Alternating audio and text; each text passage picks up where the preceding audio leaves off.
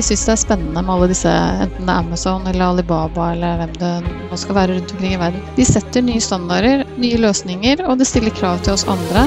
Velkommen til podkastserien 'Teknologi og mennesker', laget av Athea og Oslo Business Forum. Vi har samlet de beste eksemplene på teknologi og digitalisering. Hvordan fikk de det til, og hva kan vi lære av dem? Da er vi tilbake med en ny episode i podkasten Teknologi og mennesker. Mitt navn er Christian Brostad. Aller først, tusen takk til alle dere tusener, som det heter, eh, som lytter til oss hver eneste uke. Det er vi kjempeglade for. Eh, denne ukens episode har jeg gledet meg veldig til. Eh, pandemien, som vi nå snart håper er over, har tvunget fram en del endringer hos forbrukerne mye raskere enn det vi kanskje trodde bare for et år tilbake. Netthandelen har skutt i været, og masse debatt om butik butikkenes død. Hjemlevering har kanskje blitt den nye normalen, og stadig flere virksomheter hopper over i nye eh, bransjer. Hva er det egentlig som skjer om dagen, og hvem blir vinnerne? For å diskutere dette så har vi med oss to fantastiske eh, gjester som sitter på hvert sitt eh, hjemmekontor. Det er Katrine Laksfoss, som er administrerende direktør i Skipsted distribusjon. Og så har vi Elisabeth Haga Stenersen, som er Volt-sjef i Norge. Velkommen til dere. Takk. Takk for det. Takk for at vi fikk komme. Eh, dette har jeg som sagt veldig gledet meg til. Da, fordi eh, Vi kjenner jo egentlig litt til eh, Skipsted-historien. Vi har jo liksom et forhold til i hvert fall en del av merkevarene i Skipsted-organisasjonen. Men Elisabeth, kunne ikke du sagt litt om eh, Volt? Hvordan kom Volt til verden? Ja, det kan jeg gjøre. Eh, nå håper jeg jo at vi også er blitt litt kjent her eh, til lands også, og ikke bare forbindes med kleskjeden Volt. Eh, men vi er et eh, finsk teknologiselskap. Eh, startet i slutten av 2014. Det var seks unge gründere som startet selskapet, og de siktet seg jo inn da på matlevering. De tenkte rett og slett på hva er det flest mennesker bruker meste av sin disponible inntekt på, og så tenkte de å lansere en idé rundt det. Og det var ikke en veldig revolusjonerende idé. Det var eh, mange i det feltet. Eh, det var jo store giganter allerede da, f.eks. Uber Eats, som har et hjemmemarked på 350 millioner. Og så skulle et lite finsk selskap prøve seg med et hjemmemarked på fem. Um, og de hadde jo ikke så veldig mange av forutsetningene. Det er jo uh, veldig uh, jeg, Populasjonstettheten er jo ikke stor. Det er ganske likt Norge, egentlig. Spredde byer, små byer. Eh, arbeidskraft koster veldig mye. Så, men, men, de hadde troen på at vi, så lenge vi bygger det beste produktet og satser alt på å alltid tenke på kundeopplevelsen, så skulle de lykkes. Og i dag, fem-seks år etter, så er vi i 23 land, eh, annet Norge. Eh, og vi har jo blitt rata til den høyeste appen i verden i kategorien vi er i. Eh, og vi ble kåret til den raskeste voksende tekstselskapet i fjor av Financial Times. Mm. Og eh, Hvor mange ansatte er det i Norge, hvor stor er operasjonen i Norge? Eh, vi er 50 ansatte, og så har vi ca. 1300 aktive bud. Og vi har vel nå rundt 600 altså butikk- og restaurantpartnere. Mm. Og så er vi i fem byer. Og det er ESER. Og uh, Katrine, du uh, uh, tok altså Historien, da, når du leser det i mediene, så får du korrigere meg om det er sant eller nei. det er at du egentlig tok over et forretningsområde i Skipsted som eh, skulle legges ned omtrent. Stemmer det? Jeg har ikke helt hørt legge ned, men det er klart at eh, etter hvert som, som avisvolumene har gått nedover, så, så, hadde man jo på en måte en sånn økende kostnadsproblem. Eh, Eh, med, i mediedistribusjonen. Og lurte litt på hva man skulle gjøre med det. Og det førte til, i hvert fall i Skipsted, til at man tok avisdistribusjonen, som normalt lå innunder hvert mediehus, ut og samlet som en gruppe. Og da ble jeg satt som leder for det. Og det vil jeg si, det var i 2013, og jeg så jo at her er det jo et stort uutnyttet potensial i et ekstremt godt og bærekraftig nettverk. Eh, høy kvalitet og sterk kompetanse, og også sammen med resten av mediebransjen en, et landsdekkende nettverk hvor vi leverer hver dag før frokost. Um, og det, um, det syntes vi var spennende, og så begynte vi å analysere. Vi gikk egentlig litt sånn analytisk til verk og analyserte ulike markeder, uh, og fant veldig fort at netthandel uh, økte mye, og bestemte oss for å satse på det. Um, vi hadde vår egen teknologiplattform som gjorde at det var mulig. Altså vi hadde på en måte digitalisert hvordan vi leverte. det. men samtidig så var det jo sånn at å få tu, mange tusen avisbud til å begynne å levere pakker etter at vi egentlig alltid bare hadde levert uh, aviser, var jo egentlig det store spørsmålet. Uh, men vi har fått til. det er blitt tatt veldig godt imot i markedet. Og, og fra å på en måte kanskje være ikke ja, være et kostsenter da. Eh, den gangen i Skipsted, så er vi nå et vekst- og satsingsområde. Eh, og vi traff vel egentlig ganske blink med akkurat det vi satset på den gangen. Mm. Og det er jo, eh, som du egentlig var inne på, en omstilling, det er en innovasjonsevne her da, som, som, som er, står litt respekt av. Hvordan, hvordan, har du fått til det? Den omstillingen som kanskje For jeg tenker også parallellen her, det er mange virksomheter som står i en sånn brytningstid. Hva er liksom læringen fra det du gjorde? Eh, hadde er mange læringer, egentlig. Uh, jo, det begynte jo med distribusjon, kun distribusjonsselskaper eh, når jeg begynte. I dag er vi ja, ti ulike selskaper, hvor noen er distribusjonsselskaper som har gått gjennom en enorm transformasjon, og andre er selskaper vi har startet og i større eller mindre grad skalert. Uh, men jeg tror kanskje nøkkel, nøkkelen var at én, vi har sittet rundt samme bord hele tiden. Både oppstartsselskapene og distribusjonsselskapene. Eh, vi bygger på den samme plattformen, både teknisk, men også på en måte nettverket, leveringsnettverket. Og vi har bestemt at vi skulle satse sammen. Eh, så vi hadde på en måte i mai 2014 så hadde vi ett defining moment, ett møte i den ledergruppen um, hvor vi virkelig bestemte oss dette skal vi gjøre. Med eller uten støtte fra Skipsted, men vi fikk støtte, da, for å si det sånn. Um, og så har vi fortsatt å sitte sammen hver eneste gang vi skal ta store beslutninger, og jobbet aktivt med å forstå på en måte at det er forskjellig med store distribusjonsselskaper med mange tusen ansatte, og, det, og startups som da også samtidig skal få lov til å gro. Eh, og jeg syns det er kanskje aller mest spennende i, i, ledelse, å få lov til å jobbe med begge delene samtidig. Eh, men det er noe med respekt for hverandre. Eh, ta felles store beslutninger. Sette retning og gå, og heie på hverandre. Mm.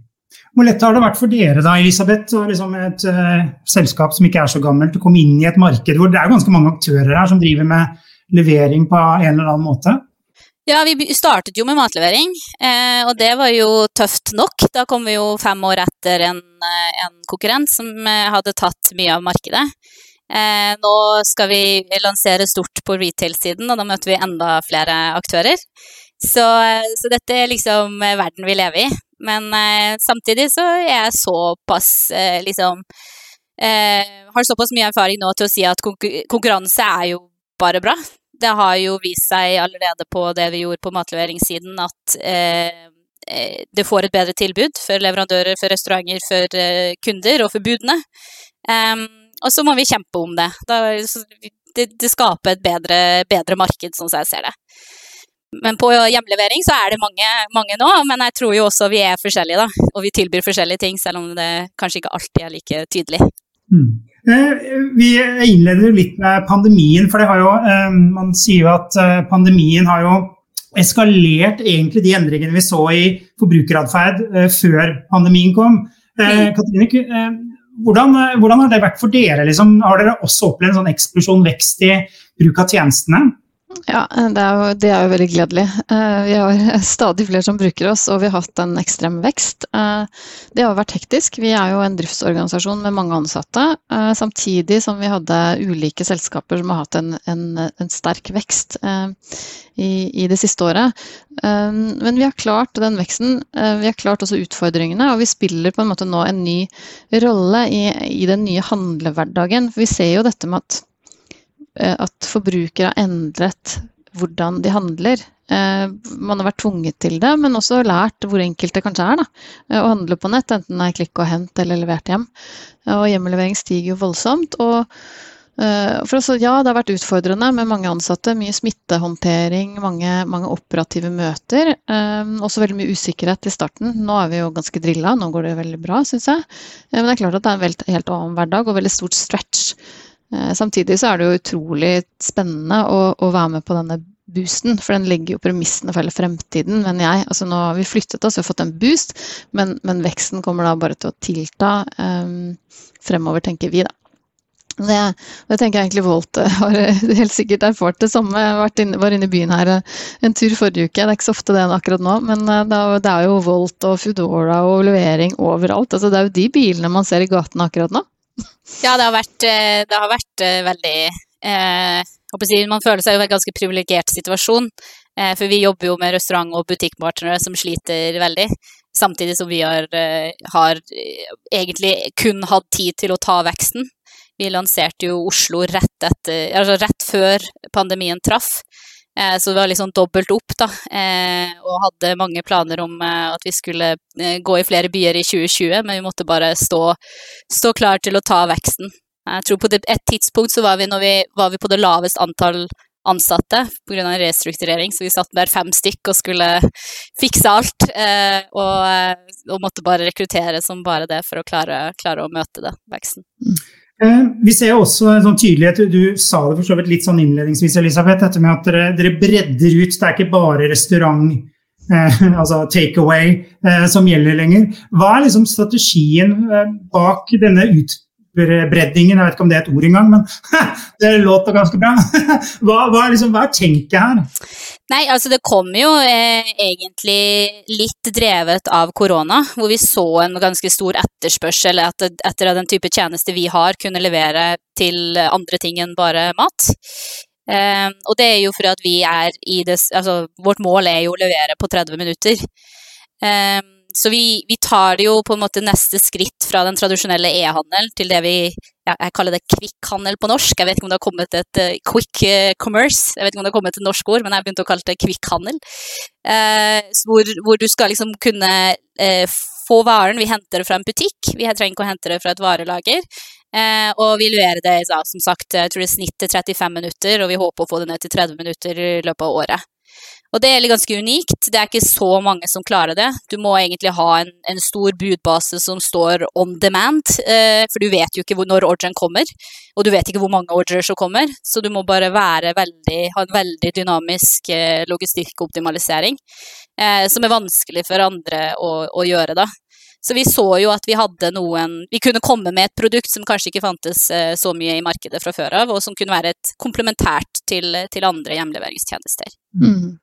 Og floraen hos dere, Katrine. Dere har jo flere konsepter. Hjemlevering, svosj, ja, helt hjem osv. Eh, eh, avtale med Kolonial, leste jeg. Dere mhm. også bredder ut, da? Ja, altså, vi gjør jo det. Og jeg vil bare sånn fylle litt på med Elisabeth. Og den tjenesten dere leverer, er jo helt annerledes enn den tjenesten vi leverer. For vi er jo et på en måte, hva skal jeg kalle, industrielt oppsatt nettverk som leverer til 92% av landet hver morgen, eh, hver dag. Men det er ganske rask levering uansett. Altså man kan bestille det inntil klokka 21, f.eks. på morgenlevering, som også går ut med, med våre eh, bud. Og så har man levert innen klokken syv neste morgen. Så det er ganske rask eh, levering, men det er ikke quick commerce innenfor en halvtime som dere. Og det er nettopp derfor vi har teamet opp med Kolonial, og gjerne jobber med andre også.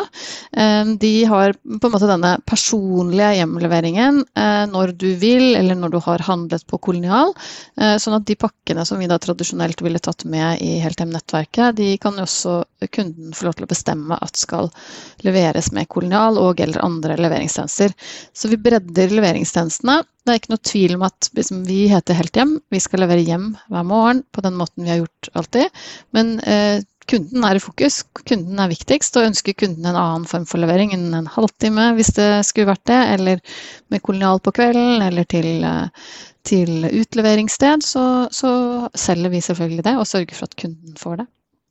Um, men vi jobber jo da ikke med, med den type mat som Volt gjør. Vi har morgenlevering, som er matleveringskonsept. Uh, men mer og mer også på en måte kose seg og gavekonsept har vi sett det siste året.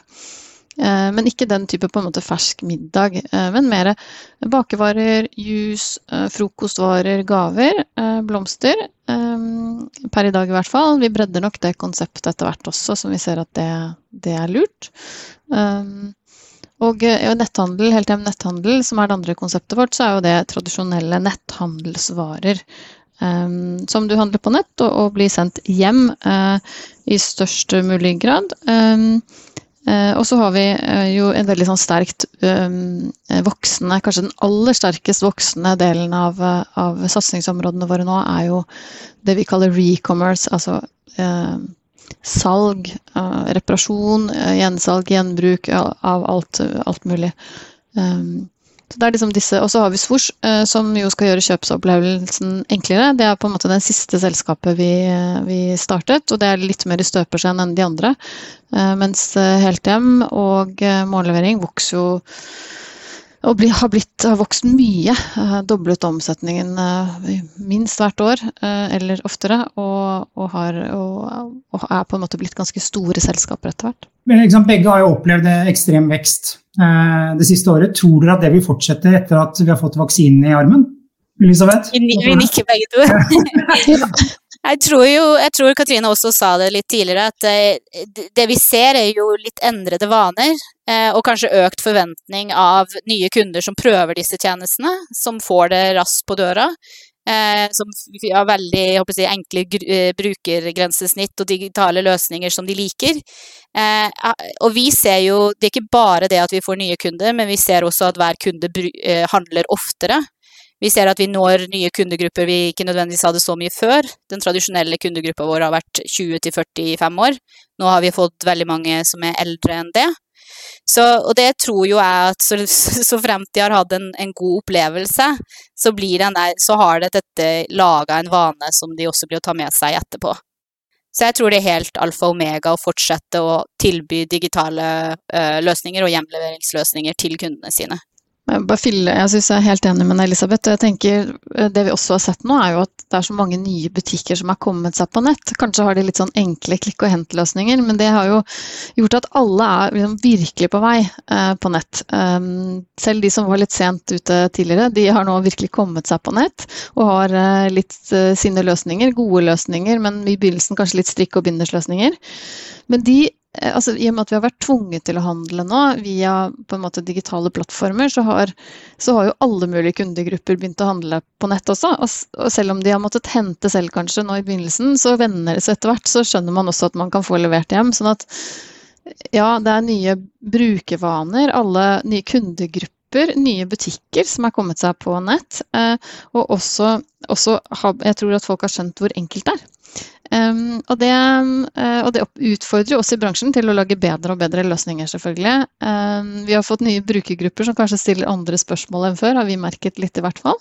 Uh, det, men det er, altså, dette var én boost, én kjempevekst, og så kommer det til å fortsette. Og jeg tror faktisk veksten blir større enn det vi i de nærmeste fem årene blir større enn hva vi har sett per år de siste fem årene. Um, men kanskje tenke på 2020 som et, et unntaksår. Da. Eh, men vi ser jo også gjennom første kvartal at vi har enorm vekst. Så, eh, så er det for så vidt lockdown i deler av landet fortsatt. Eh, men, men nye brukervaner Dette netthandel er kommet for å bli, det er helt sikkert. I Athea så, så, jobber vi jo med mange kunder som, som har liksom en utfordring, og det er jo data. Datainnsamling, utnyttelse av data osv. For å kunne lage bedre brukeropplevelser, bedre tjenester osv. Eh, Elisabeth, i en startup så vil i hvert fall i mitt hode, da, det har ikke så mange, mange år på baken, eh, så, så, er det kanskje enklere, eh, fordi du starter litt fra scratch med, med det å tenke et datarigg. Hvordan er det dere gjør det i Volt? Ja, altså vi, vi Data er jo på å si, suksessen i det vi gjør. Eh, så vi har jo bygd opp, vi kaller oss jo et tech-selskap først og fremst. Og hele målet hele veien har jo vært at vi skulle være en plattform hvor du kunne legge på nesten hva som helst, eh, fordi at du har bygd, eh, bygd deg opp på data som gjør at du kan levere. Og jeg tror jo det er også noe av det store si, verdien vi gir til butikkpartnere, er jo at vi både er en plattform og en hjemmeleveringstjeneste som da kan bruke data, og jeg kan jo trekke frem tre plasser hvor du vil se det veldig tydelig. Jo, ene er jo i kundeopplevelsen, og kundetrackingen. Eh, og hvor, eh, hvor, vi kan hente inn og gi veldig spesifikke data til en butikkpartner om, om hvilke typer kunder de har, og hvor ofte de kjøper, om de, de gjentagende kjøper. Hva vi kan gjøre for å øke salget fordi vi tror på eh, visse kundepreferanser. Og så har du jo logistikkoptimaliseringen, som er liksom helt Altså, det er der vi skal vinne. Eh, og det er jo der vi gjør vi hundrevis av millioner av ruteoptimaliseringer i løpet av en, eh, en dag. Eh, som, som, vi har bygd over mange mange år, og som blir bedre og bedre. Som sagt, vi har et snitt på 35 minutter. Det er det vi tror vi klarer, sånn, bare hvordan by, byen er bygd opp, sånn som i dag. Men bare ved å utnytte data bygge bedre og bedre optimalisering av logistikken, så tror vi at vi både hele i verden i Volt kan komme ned til 30 minutter i slutten av året. Mm. Og den siste er jo rett og slett at vi har support. Vi har en, vi har en eh, sanntidsovervåkning eh, som skal hjelpe både kunder og partnere og bud til å liksom få, få denne jobben gjort og få en god, eh, god verdi, og at kunden har liksom en ekstraordinær kundeopplevelse. Vi skal løse ting med en gang, og da trenger du data. Du må helt raskt klare å pinpointe hva som er problemet, eh, og, og, løse det på spotten. Mm. Hva med dere, Katrine? Eh, det er jo det er en liksom litt startup og litt etablert, eh, så vidt jeg skjønner. Hvordan har den ja. reist for dere? Jo, det er jo, altså, Jeg kjenner meg veldig igjen i det du sier rundt logistikkmotoren. Vi har jo en logistikkmotor som er selvfølgelig eldre enn den, eh, den, Volt og nye selskaper har. Eh, men eh, vi har jo da også jobbet i veldig mange år med dette med logistikkoptimering og å ha informasjon om hvor pakker, da, eller aviser for den saks skyld, er til enhver tid gjennom systemet, og ha god kommunikasjon med kunder på det. Så det er jo en kompetanse vi har å jobbe med og har gode plattformer for. Men som selvfølgelig har vært hvor vi da også på en måte jobber med modernisering i ulik grad. Uh, selvfølgelig etter 20 år med en dataplattform, så gjør man det. Um, så, men alle de nye tjenestene har vi jo bygget nytt, um, selvfølgelig. Uh, og der jobber vi masse med data. Vi har jo, liksom, det er fordeler med å være et stort konsern i Schibsted. Vi bruker mm, jo også av deres ulike på en måte data og teknologikompetanse. og dette med data på kunden som Elisabeth snakker om, er jo kjempe, kjempeviktig. Og jeg vil ikke si at vi er verdensmestere i å utnytte det ennå. Eh, absolutt ikke. Her har vi mye vi jobber med. Eh, mye spennende. Det er åpenbart fremtiden for alle, alle selskaper, hører vi jo. Så det, det er virkelig i fokus. Altså, forretningsmodellen til begge dere er vel egentlig å stille seg i midten, leverandør, kunde. Er det en levedyktig forretningsmodell? Hvorfor kan ikke bare butikken eller leverandørene bare sette i gang selv? Ja, altså, I et land som Norge, da, hvis jeg kan starte, Elisabeth, så er det, sant, det er veldig ressurskrevende og, og langstrakt land med spredt bebyggelse. Um, og det er jo ikke liksom, kostnadseffektivt når mange kjører etter hverandre hele tiden for å levere. Um, og det er heller ikke klimaeffektivt. Um, um, hvis man ser på en nettbutikk, så er jo liksom frakt noen av de største utgiftene, og da må man på en måte utnytte uh, best mulig nett, de transportnettverkene eller logistikknettverkene som, uh, som finnes sammen. vi jobber jo da vi jobber på en måte i den skalaen hvor vi prøver å samle mest mulig volum inn, og så sende det ut igjen samtidig, men på en, på en rask måte. Vi leverer jo egentlig ferske aviser, vi leverer mat med mållevering eh, eller gaver. Og vi leverer jo f.eks. klærne du bestilte fra HM, eller skoene du bestilte fra Footway, eller hvor det nå skulle være. Og de er jo på samme tur. Og så optimaliserer vi på en måte det, eh, istedenfor å optimalisere på, på, hurtighet, som det kanskje Elisabeth og Volt gjør. Da. Um, så vi jobber med at det skal bli mest, uh, mest, mest, mest og, og, best mulig. Uh, mest effektivt og best mulig. Og, uh, og, for utenlandske nettbutikker, enten det er på en måte Amazon eller andre, så, så trenger man på en måte den type nettverk. Um, og det, det, finnes noen av de. Det eh, finnes mange ulike konkurrenter med ulike hastigheter og ulike geografisk dekning. Eh, og for dem så blir det vel å, å, velge de beste løsningene i fremtiden, tenker jeg. Men å bygge nytt, det, det er veldig, veldig dyrt i, i, et land som Norge. Deler du det, Elisabeth? Ja, jeg gjør jo det. Eh, altså, det, dette er en lavmargin bransje, det vi driver med, og du trenger ganske stort volum for å klare å få økonomi i det du gjør. Eh, så det betyr at for vår del at vi har, vi har mange bud, men vi må ha mye ordrer da, til å klare å få den forretningsmodellen til å fungere. Så jeg tror eh, Altså, jeg er økonom, økonom, så jeg tror jo på spesialisering i det som folk skal gjøre det som de kan best, og, effektiv, og da får du den beste effekten, eller effektiviseringen. Så eh, det, det, vi kan veldig, veldig godt, er, jeg håper å si, er plattformen vår og markedsføring på, av, av, butikkpartnere og restaurantpartnere, og det er logistikken. Altså det er trans, transporten. Få det raskest mulig eh, til kunde. Mm. Eh, du var så vidt inne på det, Katrine, at eh, en effektiv eh, logistikk gjør kanskje karbonavtrykket lavere, at det er bedre for miljøet. Det er mye kjøring, og det har vært et stort tema, dette her også. Folk, du hører jo historier på folk som bestiller tre-fire ulike størrelser av et plagg fra HM, prøver hjemme, og så sender disse tre plaggene som ikke passer, tilbake igjen osv.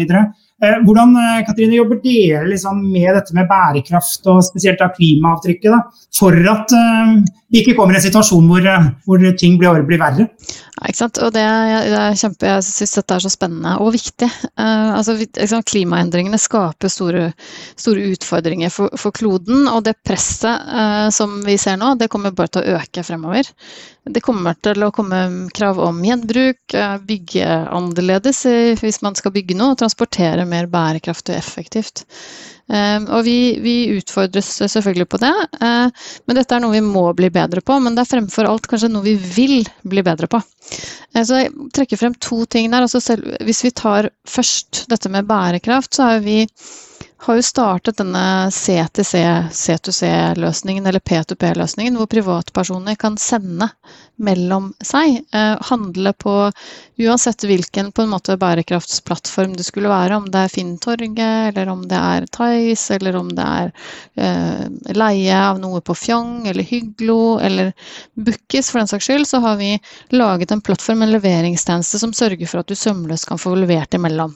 Så vi bygger jo egentlig gjenbruk, og vi har jo hatt, det har jo skalert helt voldsomt. Eh, og vært utrolig spennende å være med på. Og dette, dette skal vi fortsette med. Dette syns vi er utrolig spennende, både Skipsted, men også helt hjem. Eh, og det er gøy for budene våre, fordi man får på en måte en relasjon. Nå er det ikke sånn veldig industrielle de pakkene, folk pakker jo inn dette i, i pizzaesker og gamle vinkartonger, og det er jo helt fascinerende å se på. Men det, vi prøver å få dette til å være superenkelt fra folk. Vi, du skal booke det enkelt, og det er veldig enkelt. Bare booker, får en kode som du skriver på med turs, pakker inn i hva du vil, legger det utenfor døren din og blir hentet opp, og så tar vi det inn i det normale nettverket vårt, der avisbudet henter mens han er ute og leverer kanskje til naboen din eller noen borti gaten. Eh, tar det med tilbake sorterer det og sender det ut med det vanlige nettverket. En veldig effektiv løsning og veldig enkel for forbruker, som oppfordrer til gjenbruk.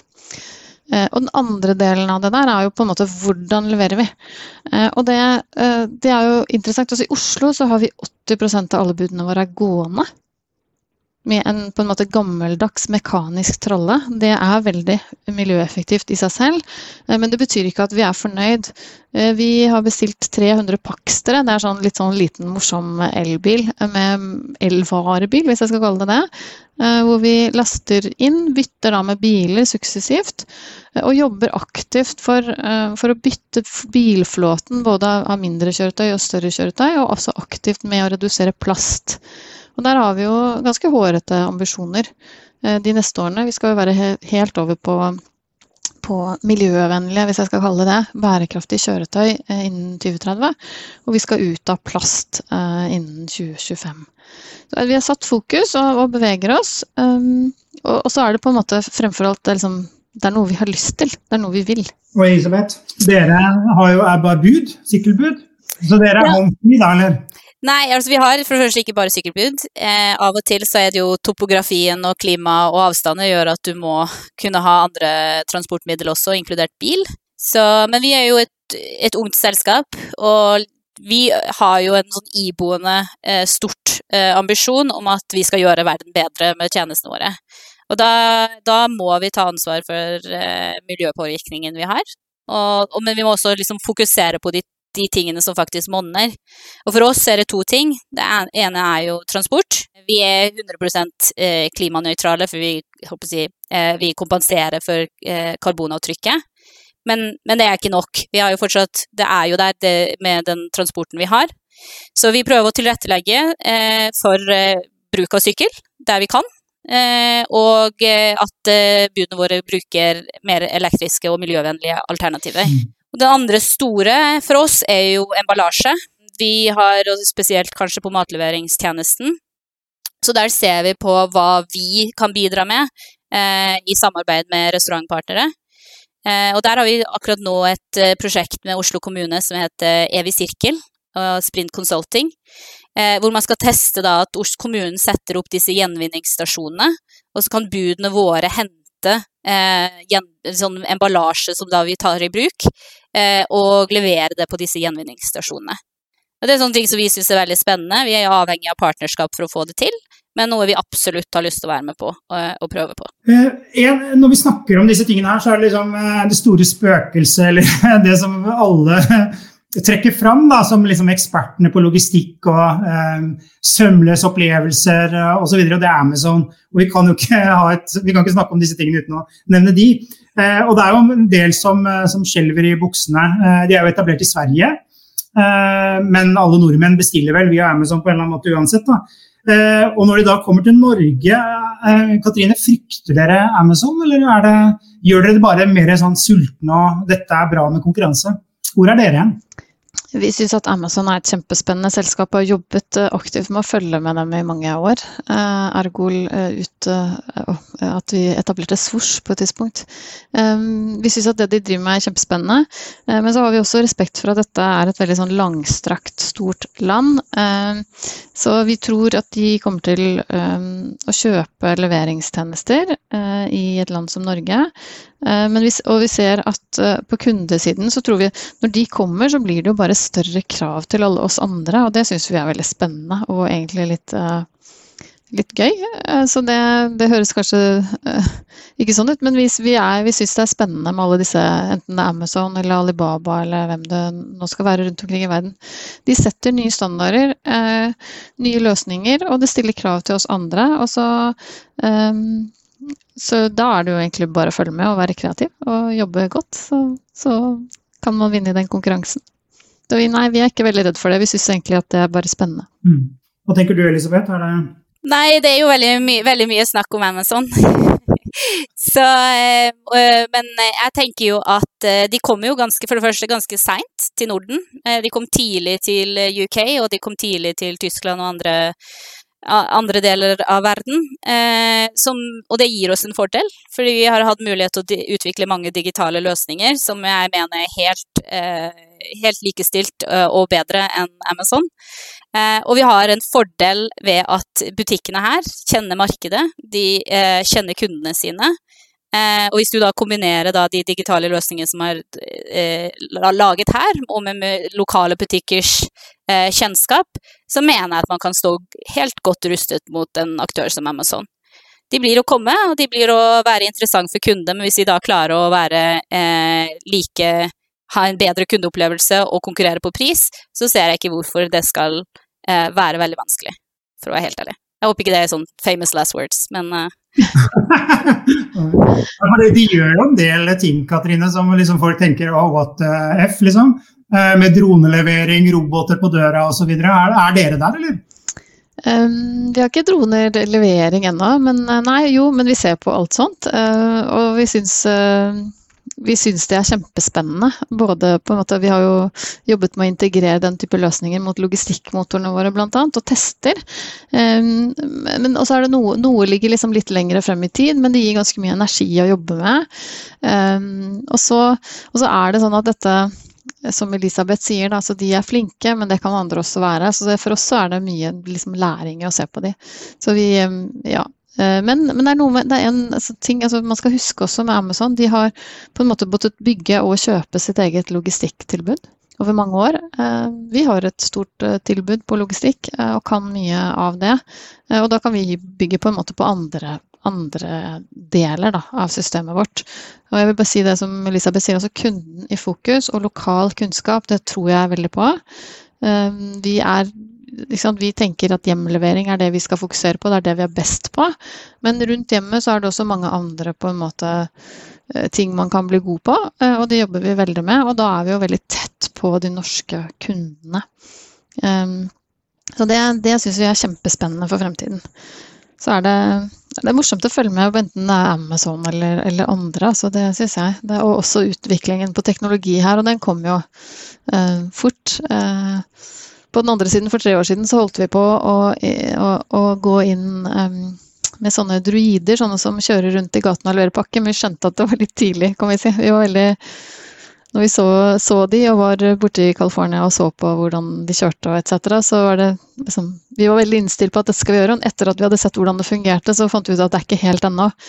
Eh, men vi er virkelig på for å se på det. Og det er jo gøy også. Det er jo morsomt eh, å jobbe med fremtiden. Så Det er en god innstilling. Liksom, man lar seg inspirere og lære av andre som er gode, da, men eh, dyrker sine egne unikheter. Men hvis vi liksom skal gi det landskapet på inspirasjon, Elisabeth, hvem er det dere ser til når dere liksom tenker hm, de gjør noe smart, eller de har en liksom, riktig retning?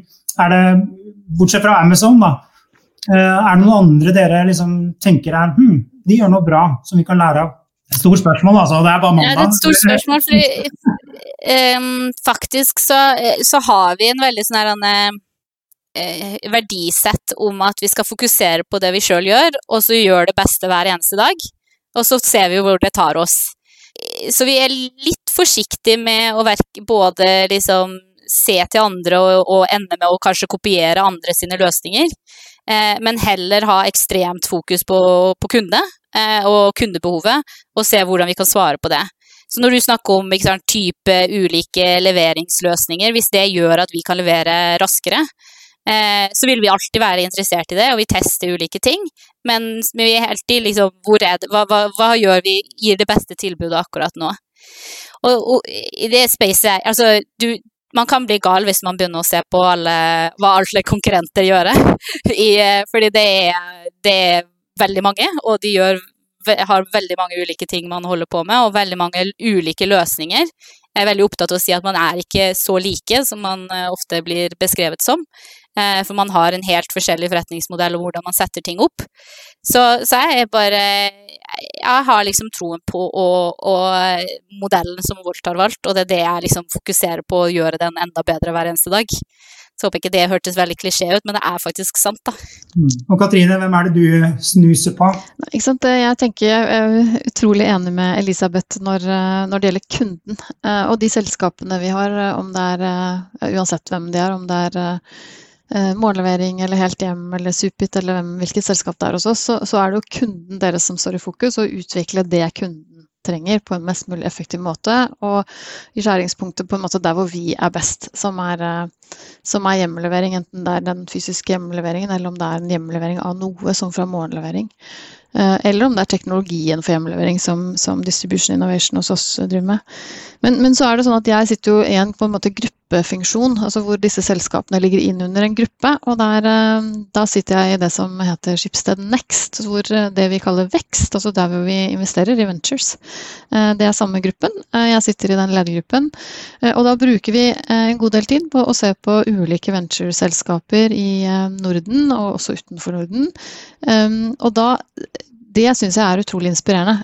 Vi, vi investerer jo i, i, den type selskaper. Um, når, no, når, de har noe å vinne på det, tror jeg jeg skal si. Uh, og vi også, men, men når vi finner liksom de gode kandidatene. Men det der om å følge med på alt, det inspirerer voldsomt. Å ta det med inn i ledelsen i disse selskapene og dele den type informasjon, det bruker vi en del tid på. Så har disse selskapene på en måte fokus på kundene etc., men det er også noe med å, med å få inspirasjon. Uh, og så har vi gjort en, ting som, uh, som, jeg er virkelig glad for at vi gjorde veldig tidlig. Og det er at vi har gått Nå tror jeg det er 75 ledere har gått kurs med Harvard på Disruptive Innovation, Clayton Christensen sitt kurs. Og det har blitt litt sånn vårt felles språk på tvers av mediekonsernene, for vi har jo flere av media, og Polaris Media er jo også eiere inn i Helt Hjem-nettverket. Og Skipsted, og mange selskaper, altså noen startups, noen distribusjonsselskaper, noen teknologiselskaper, så har vi fått på en måte sånn fellesspråk, et felles arbeidsmetode og metodikk og forståelse. Sånn at vi, vi klarer aktivt å jobbe med, med nye ideer og nye Altså forstå når er det vi skal tenke utvikling av, av, selskapet som det er i dag og de tjenestene vi har, eller når er det vi på en måte skal gjøre noe som er helt disruptivt. Så det Vi har egentlig disse tre, da, hvor kunder og ventures og, og, og dette litt sånn disruptive innovation, som vi kaller det, som vi bruker aktivt. Og der, der skiller jo Katrine seg eh, i sin stilling, fordi eh, for min del så fokuserer jo jeg på Norge, og eh, på det som skjer her i Norge. Eh, selv om jeg selvfølgelig følger med på hva som skjer internasjonalt, så er det, det mitt hovedfokus er liksom å og er, mitt marked, så vi har nok en, eh, et Volt-team sentralt som i, vil i mye større grad sitte litt med de samme type som Katrine. Så på sånn inspirasjon så tror jeg liksom jeg ville trukket frem eh, noen av disse hva, hva, som skjer i butikk- og restaurantnæringen nå, og hvilke endringer de gjør for å liksom hoppe på å bli mer digitale. Katrine nevnte jo noen av disse. Jeg, jeg synes det, det synes jeg er ekstremt spennende, eh, og de er jeg jo tett på hver eneste dag. Så det, og de, det synes jeg alltid er spennende å lese om. Jeg leste om eh, gründeren i Oslo Rå som fikk barn samtidig som korona traff, og har liksom jobbet beinhardt og fortsatt lansert kafeer og tjener mer penger nå enn hun gjorde uh, i, i, fjor. Um, det, det, er liksom ting jeg, blir inspirert av, uh, så jeg er nok litt, litt, lokal på sånne ting, da. Så er det spennende, Elisabeth, dette med dark stores også, særlig innenfor uh, ditt område. Da. Det, det, er jo restauranter som, eller dark-restauranter som lager mat på vegne av andre restauranter, som gjør at du kan komme på en måte nærmere kunden, levere raskere og få en høyere margin. Det er jo nye forretningsmodeller som nå vi ser går, mellom, går fra dagligvare, fashion og, og, til restaurant. Utrolig, utrolig spennende. Det skjer, jo, det skjer jo så mye hver dag. Det er kanskje det som er det mest spennende akkurat nå, tror jeg. Ja, det syns jeg òg. Vi, ser, vi ser, det veldig mye i restaurantsiden, og der har du veldig mange forskjellige konsepter av det. Alt fra at du bare bruker et eksisterende eh, kjøkken til å liksom eh, da eh, lansere mange forskjellige konsepter. Så tror jeg du vil også se det på butikksiden. Alt fra at man bare har et lager som kun er for, for netthandel, til at du har butikker, eksisterende butikker, men du som kanskje altså La oss ta Nille, da, men som, men som da lager ulike konsepter som den server. Så hvis butikken går fysisk i butikken, så er det fortsatt Nille, men på nett så kan den, ha, den samme butikken ha mange ulike konsepter som den server fra den butikken. Mm. Er, eh, jeg tror jeg har sagt det noen ganger, men jeg jobber med logistikk i en del år, og det er, det er morsomst nå. jo, det er det. Det er mer spennende. Det skjer mer. Det, er, eh, det var ikke like gøy for 15 år siden. Eh, da var det mye mer tradisjonelt, på en måte. Nå er det, nå er det helt nye modeller, forretningsmodeller, nye konsepter, eh, egentlig rund baut. Enten det er rask levering som Elisabeth jobber med, eller om det er større liksom, landsdekkende levering som vi jobber med, eller om det er restauranter, annen mat. Altså, ja, det er eh, utrolig spennende. Mm. Vi nærmer oss slutten, men jeg tenkte eh, av og til så klarer vi å få gjestene våre til å plumpe ut med noe som kommer. Eh, jeg tenkte jeg skulle gjøre et forsøk, og dere ser litt, litt bleike ut nå. Men eh, hva, hva, kan vi vente av Volt fremover? Nei, nå, nå, har vi jo startet på retail-siden. Eh, vi har dagligvare, vi har eh, blomster, vi har vi har liksom gått litt eh, det som er en naturlig eh, utvikling av det vi gjør i dag. Vi har fått ølutsalg. Så nå er jo liksom startknappen for å gå veldig bredt. Eh, vi tror jo at hvis vi skal lykkes, så må vi ha et veldig bredt tilbud. Eh, så da går vi ut i litt ukjent farvann eh, for vår del. Så det tror jeg blir utrolig spennende og masse læring for oss. Eh, og da vi ønsker jo å være det digitale kjøpesenteret hvor du kan få alt på døren på 30 minutter. Så om det er leker, eller om det er eh, klær, eller om det er sportsutstyr, eller hva enn du trenger, så ønsker vi å håpe at vi kan være der. Uh, og samtidig skal vi gjøre det. Vi skal, nå skal vi gjøre disse bylanseringene vi ikke fikk gjøre i fjor. Da. Så vi lanserte jo Bergen nettopp, og så håper vi jo på egentlig doble antall byer i løpet av dette året. Vi, ser, vi er alltid litt sånn hårete, så det er litt sånn farlig å si det høyt, for vi får se om vi klarer det. Men, men det er jo målet, da. Ta enda flere byer. Katrine, har du noe i hatten? ja, det er, det er, jo masse. Det er jo et, ja. det er jo det er den derre skaleringsknappen måtte vi jo trykke på veldig fort i fjor. Eh, så det er masse rundt skalering selvfølgelig som vi jobber med i år. Eh, det er jo ikke så morsomt å høre om, for det blir litt sånn interne fokus. Men eh, vi, vi jobber med skreddersydd levering for kundene våre. Som dere så du påpekte, kolonialsamarbeidet og andre samarbeid. Det er det ene. Eh, og også dette med at vi jobber med mye, mye bedre um, kommunikasjon med sluttkunde, og som er mye nærmere dem, og så tar større hensyn til hva er det de egentlig ønsker. Uh, så hjem er det vi har startet med, og det er det vi kommer til å fortsette med. Det er også det vi tror på fremover. I forhold til at du skal handle mer og mer, så tror vi at hjem blir veldig viktig. Uh, og den andre trenden som vi jobber mye med nå, det går jo på sirkulær økonomi. altså brukt commerce, eh, leie, deling, delingsøkonomi ble jo litt borte plutselig for noen år siden. Men, eh, men, det kommer, nå kommer det for fullt. Så disse hjem og deling tror jeg er eh, Eller deling, bærekraftige løsninger. Det tror jeg er de to som er våre hovedpilarer fremover. Mm. Det blir spennende å, å, følge med. For dette angår jo nesten alle nordmenn nå. Det, altså det berører oss på mange måter. Men da skal vi over til vår faste spalte. Digitale vaner. Bli kjent med gjestene ved å snoke deres digitale liv. Hva gjør de egentlig på nettet? Hvilke favorittapper har de? Er det streaming eller linær-TV som gjelder? TikTok eller Snapchat? Vi spør i Teknologi og mennesker. Ja, nå skal vi snoke litt i deres private digitale liv, og det er alltid interessant. Eh, greia er da, Katrine og Elisabeth, at dere får eh, to alternativer, og så skal dere velge et av de alternativene. Og så er det strengt forbudt eh, å finne på et tredje alternativ. Så her må dere velge. Er det greit? Det er greit. Mm. Ja, da begynner vi med deg, Katrine. Eh, den første er ikke så farlig, da, men digitale eller fysiske møter? Uh, fysiske. Nå. Etter at jeg er blitt veldig mett etter et år, tror jeg. Det, jeg synes det er supereffektivt med, med, digitale møter, må jeg si. Fantastisk. Kommer til å gjøre mye mer av det i fremtiden enn jeg gjorde i fortiden. Men etter et år på hjemmekontor, så, så lengter jeg etter kollegaene mine. Mm.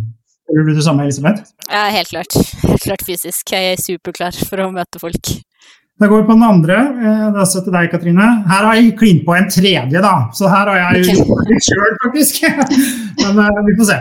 Eh, Instagram, TikTok eller Clubhouse? Og jeg tror jeg må si Instagram.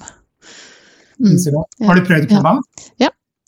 Uh, og det er kanskje derfor. Det blir sånn uh, Jeg, jeg syns det for så vidt er spennende, og så er det tidkrevende. Um, foreløpig. Og i et år hvor vi har brukt uh, veldig mye tid på digitale plattformer allerede, når på en måte ettermiddagen kommer, så så er det litt fullt eh, sammen med alle podkaster etc. Så um, det blir spennende å se hvordan det konseptet utvikler seg, eh, det må jeg si. Kjempespennende. Men, uh, men hvordan det utvikler seg, det, det, tror jeg blir kjempespennende.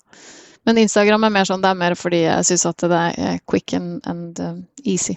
Mm. Nei, eh, hvis jeg skal være helt ærlig, så er det Instagram. Jeg føler jeg har lyst til å si Clubhouse eh, og vise at jeg er liksom eh, fremoverlent på nye ting. Og, men eh, jeg har så vidt vært innom og sjekka det ut, syns det virker veldig spennende. Men hvis jeg skal si hva jeg bruker tiden på, så er det jo mye mer Instagram. Mm. mm. Clubhouse er litt sånn atypisk også, for det er jo lineært. Så du går jo glipp av ting hvis du ikke er der der det skjer. Det syns jeg er litt slitsomt. da. Yes, eh, Tredje, Katrine. Nå skal jeg klare navnet riktig her. Emoji eller tekst? Jeg tror jeg må si tekst. Jeg elsker emojis, altså. Og særlig og alle de andre holdt som, eh, som nå kommer. Eller, ja, eh, I form av både bilder og filmer og alt, ja, avatarer og alt mulig. Jeg elsker det med barna mine. Men tekst er Når vi skal forstå hverandre og få til noe nytt, så er tekst eh, enklere. Mm. Selv om jeg nok er en sånn bildeperson i utgangspunktet. Jeg er flinkere med powerpoint enn å sitte og skrive i, i gammeldagse docs eller Word, det må jeg si. Men det er noe med den quick um, å snakke og skrive noe, da går det man, man, får litt sånn dypere understanding, og det går fortere å forstå hverandre på et eller annet vis. Mm. mm. Elisabeth? Ja, det her er jo et veldig morsomt tema, da, for jeg jobber jo med en haug med unge folk som er jeg håper å si, Gen Z, og der går det jo den store debatten om hvilken emojis man skal bruke, og om man egentlig skal bruke emojis i det hele tatt. Det syns jeg er kjempe vanskelig, og vi er jo Volt sin kundekommunikasjon er, handler veldig om å liksom bruke emojis og giffies og liksom være på, da. Eh, men jeg er nok eh, ganske tradisjonell om å si tekst, ass. Det kjedelige, Elisabeth, vi er jo veldig like. Prøve. Jeg har lyst, men uh, må Men vi bare får, være vi får møtes i et sånt fysisk møte etter dette, tror jeg. Eh, ok, nest siste her. Eh, Katrine, ringe eller sende meldinger? Jeg er nok sende meldinger. Ja, men og det er nok også Det går fortere, og så er jeg eh, Det er nok dette med at dagene Det blir så lange dager på disse videokonferansene, så da er jeg litt, rett og slett litt mett av å snakke med folk. mm. Elisabeth? Jeg er helt klart sende melding. Jeg er sosial introvert, og når jeg er introvert, da, da skal jeg ikke ta telefonen.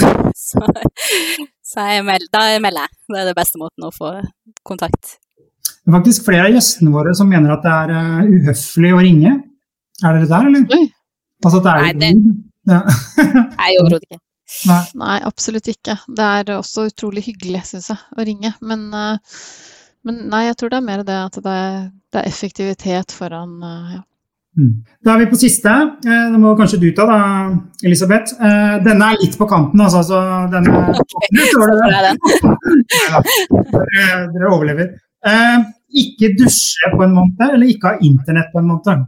Nei, da tror jeg at jeg lar være å dusje. Ja. Er Jeg er så avhengig på jobb og, på jobb og fritid. Altså det, ja, det må jeg bare innrømme at eh, jeg må ha internett. Hva med deg, Katrine?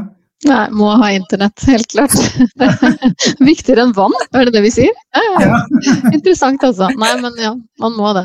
Det fine nå er at vi er på hjemmekontor hele gjengen, så det er vel ingen som lukter Ja. oss. Det er fra de vi bor med, da. Hvis hele familien ikke dusjer, så har vi gjort det løst. Veldig bra. Eh, Tusen takk for at dere kunne være med, Katrine og Elisabeth. eh, Og tusen takk til deg som har lyttet på. Du har nå lyttet til Teknologi og mennesker, laget av Athea og Oslo Business Forum. Liker du podkasten, setter vi stor pris på om du gir oss noen stjerner. Og tips gjerne en venn om podkasten.